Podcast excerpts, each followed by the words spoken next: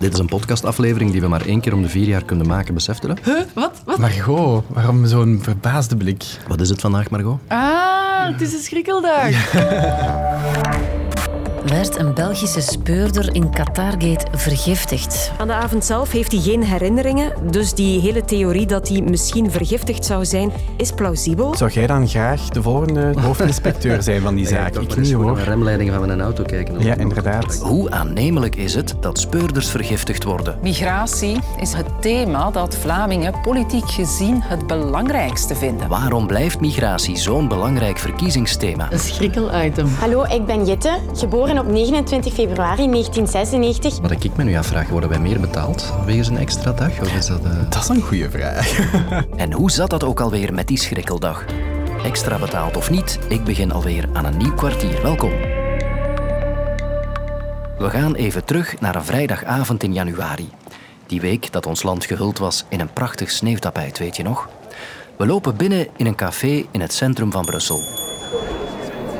Het is er gezellig, warm en druk. Er wordt gedronken en gelachen. Maar plots slaat de sfeer om. Drie cafégasten maken het veel te bond. Ze worden vriendelijk verzocht om het café te verlaten. Maar dan ontspoort het helemaal. Een van hen slaat een ober in het gezicht en gaat daarna het terrasmeubilair te lijf. Ook als de politie ter plaatse komt, blijft de man agressief. Hij moet zelfs een nacht in de cel doorbrengen. Nu, waarom vertel ik je hier over een caféruzie? Twee dingen die ik nog niet heb verteld, moet je zeker weten in dit verhaal. 1. De drie relschoppers werken bij de federale gerechtelijke politie.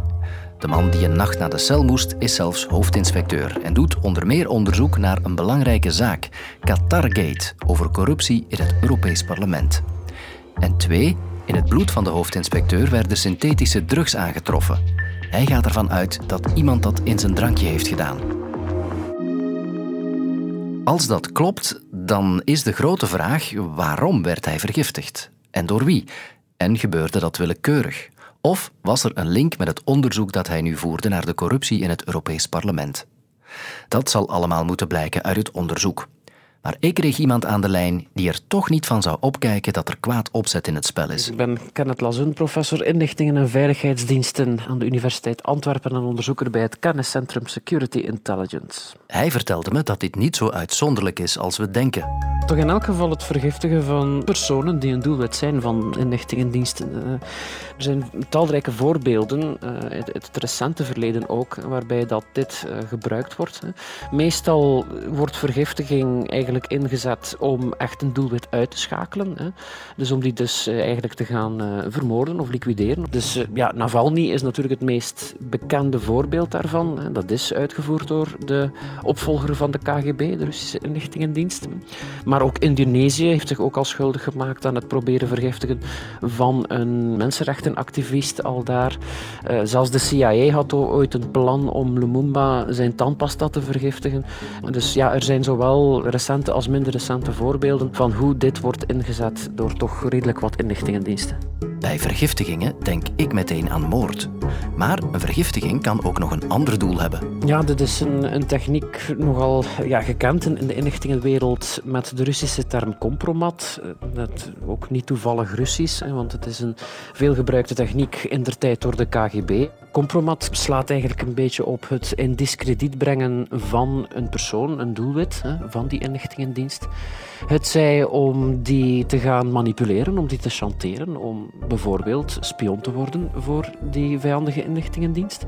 Maar in dit geval eh, zou het dus een compromat zijn waarbij dus een aantal mensen en ook een organisatie eh, in eh, discrediet zijn gebracht om het gerechtelijk onderzoek te gaan verstoren. Er zijn vele manieren waarop dat het natuurlijk mogelijk is om eh, de geloofwaardigheid van een persoon of een institutie te ondermijnen wanneer dat in het belang is van een vijandige inlichtingendienst. Maar wat met deze zaak? Denkt professor Lassoen echt dat dit het werk is van de inlichtingendienst van pakweg Qatar?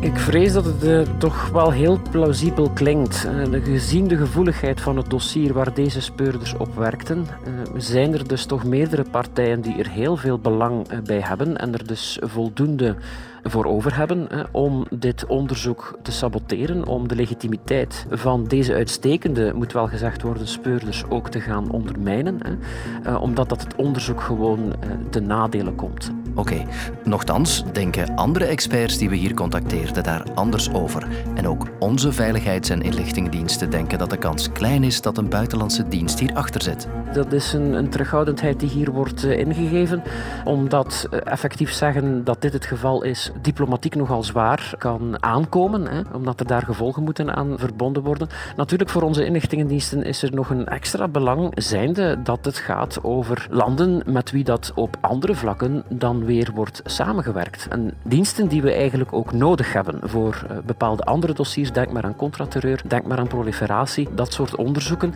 Dus als onze relatie hierdoor verstoord geraakt en, en op een heel laag pitje komt te staan, blijven onze inlichtingendiensten verstoken van bepaalde informatie. Dus er zijn heel veel afwegingen die moeten worden genomen uh, vooraleer dat we effectief gaan willen nemen en shamen, zoals dat nu heet. Nog honderd dagen en jij en ik staan in een stemlokaal voor federale, Vlaamse en Europese verkiezingen. Voilà, alsjeblieft mevrouw. Met dat stemkaartje kan u gaan stemmen. U kan u daar in het kiesbureautje ja, dank u. aanmelden. Als u klaar bent, komt u terug naar mevrouw. Maar wat zijn de thema's die dit jaar zullen bepalen op welke partijen we stemmen? Met andere woorden, wat houdt de Vlaming wakker? VRT Nieuws en De Standaard zijn het gaan vragen in de stemming. Een grote peiling bij ruim 2000 mensen. Tijdens de coronajaren was gezondheidszorg het belangrijkste thema. Ons land uh, bevindt zich in een sanitaire noodtoestand. Toen de energiecrisis volop woedde, stond energie bovenaan. En bij de start van de oorlog in Oekraïne. Toen werd internationale veiligheid plots het belangrijkste thema. Maar die dingen zijn nu volledig verdwenen. De nieuwe top 3 is op 3 het vertrouwen in de politiek, 2 de koopkracht en op 1 migratie. Ja, en dat verbaasde mij toch een beetje. Waarom blijft migratie zo'n belangrijk verkiezingsthema? Uh, moeten we een stemtest doen? We gaan op dit niveau spreken. Ik ga op dit niveau spreken ongeveer. Stemtest, stemtest, stemtest. Ivan de Vadder, welkom. Um, was jij verbaasd? Nee, omdat al in 2019 migratie het belangrijkste electorale thema was. Dat bleek uit onderzoek na de verkiezingen. En dat is sluimerend altijd aanwezig gebleven uh, in de hele periode tussen 2019 en 2024. Het is nu wel heel fors opgerukt. Maar je, je ziet dat afhankelijk van de crisis die we hebben doorgemaakt in de afgelopen jaren, verschillende thema's naar boven zijn gekomen. Maar sluimerend is migratie altijd wel in die top aanwezig gebleven en is de laatste jaren opgerukt naar die eerste plaats. Het is ook duidelijk geworden in 2019 dat Vlaams Belang doorgebroken is in landelijke gemeenten, waar dat vroeger vooral een stedelijk fenomeen was.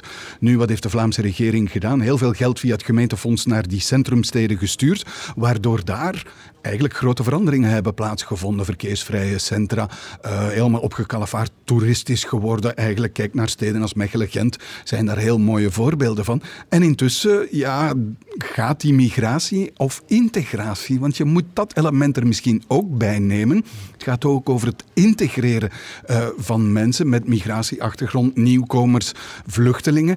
Ja, dat heeft zich uitgedijd over het hele land, ook in de plattelandsgemeenten. En daar krijg je nu de angst die er was in de steden op het einde van de vorige eeuw voor het verlies van welvaart, uit schrik, niet wetende hoe dit fenomeen zal evolueren. Op basis van wat zeggen heel veel Vlamingen dan dat ze wakker liggen van migratie? Wat precies aan migratie stoort? En dan hebben we daar zicht op. Ja, dat, dat schiet alle mogelijke kanten uit, maar daar wordt heel vaak het woord ongecontroleerde toestroom migranten. Buitenlanders die weigeren om zich aan te passen. Criminaliteit door allochtonen. Uh, maar ook alle problemen die daarmee te maken hebben worden opgesomd. Gaande van woningnood voor de mensen hier. Te hoge prijzen door de toename van vluchtelingen. Werkloosheid en vreemdelingen. Dus la laten we maar zeggen, de, de, de angst voor de ongecontroleerde migratie is misschien de beste uh, samenvatting die je zou kunnen gebruiken. Mag ik dan zeggen dat migratie altijd al een thema geweest is, maar dat het door gebrek aan andere grotere crisissen, Oekraïne, energiecrisis bijvoorbeeld, nu opnieuw naar de bovenkant komt? Ja, zo zou je het kunnen, kunnen zeggen. Um, ik denk ook dat migratie een debat waard is en een, een electoraal thema waard is. Daarmee bedoel ik, uh, we hebben een geboortecijfer dat te laag is om eigenlijk onze economie draaiende te houden. We hebben knelpuntberoepen waar we geen mensen uh, vinden. Daar gaat een debat op gang moeten komen. In dit geval over arbeidsmigratie, want zo heet dat dan. De tweede, het tweede debat is, wat doe je met mensen uit omringende continenten die omwille van oorlogen, vervolging, maar ook economisch gewoon op zoek naar betere, beter leven, die zich aanmelden in Europa. Hoe gaan we dat beheren en beheersen? En daarover gaat natuurlijk ook het uh, debat, of zou het politieke debat moeten gaan. Ja.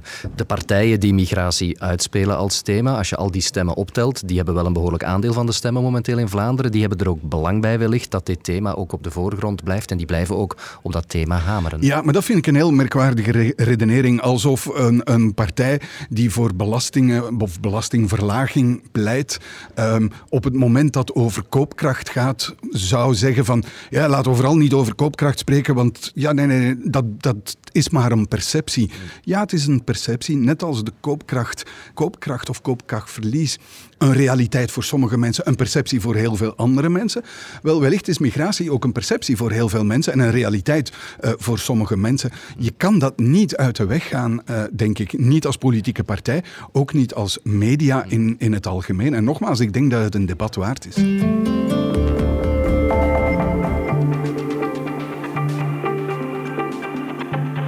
Als je nog een klassieke scheurkalender in huis hebt, dan mag je het blaadje van vandaag best wel koesteren, denk ik. Want het is 29 februari, een schrikkeldag. En op school leerden we al aan wie we dat te danken hebben. His name is Gaius Julius Caesar! Ja, het is inderdaad het is een lange geschiedenis de grillen van mensen hebben veel een rol gespeeld. En welke rol Caesar! Gespeeld, dat kan Pieter Mestag van de Volkssterrenwacht Armand Pien me vertellen. De Romeinen zijn ermee begonnen om in het grote Romeinse Rijk één kalender te proberen definiëren. Zij hadden al begrepen dat één rotatie rond de zon, dus dat als de aarde één keer rond de zon roteert, dat dat iets langer duurt dan een vast aantal dagen. Hè. Dus 365 dagen is, uh, hadden ze wel door, dat dat de lengte van een jaar was. Maar ze begrepen dat het ieder jaar toch net iets langer duurde voor één rotatie rond de zon volledig was.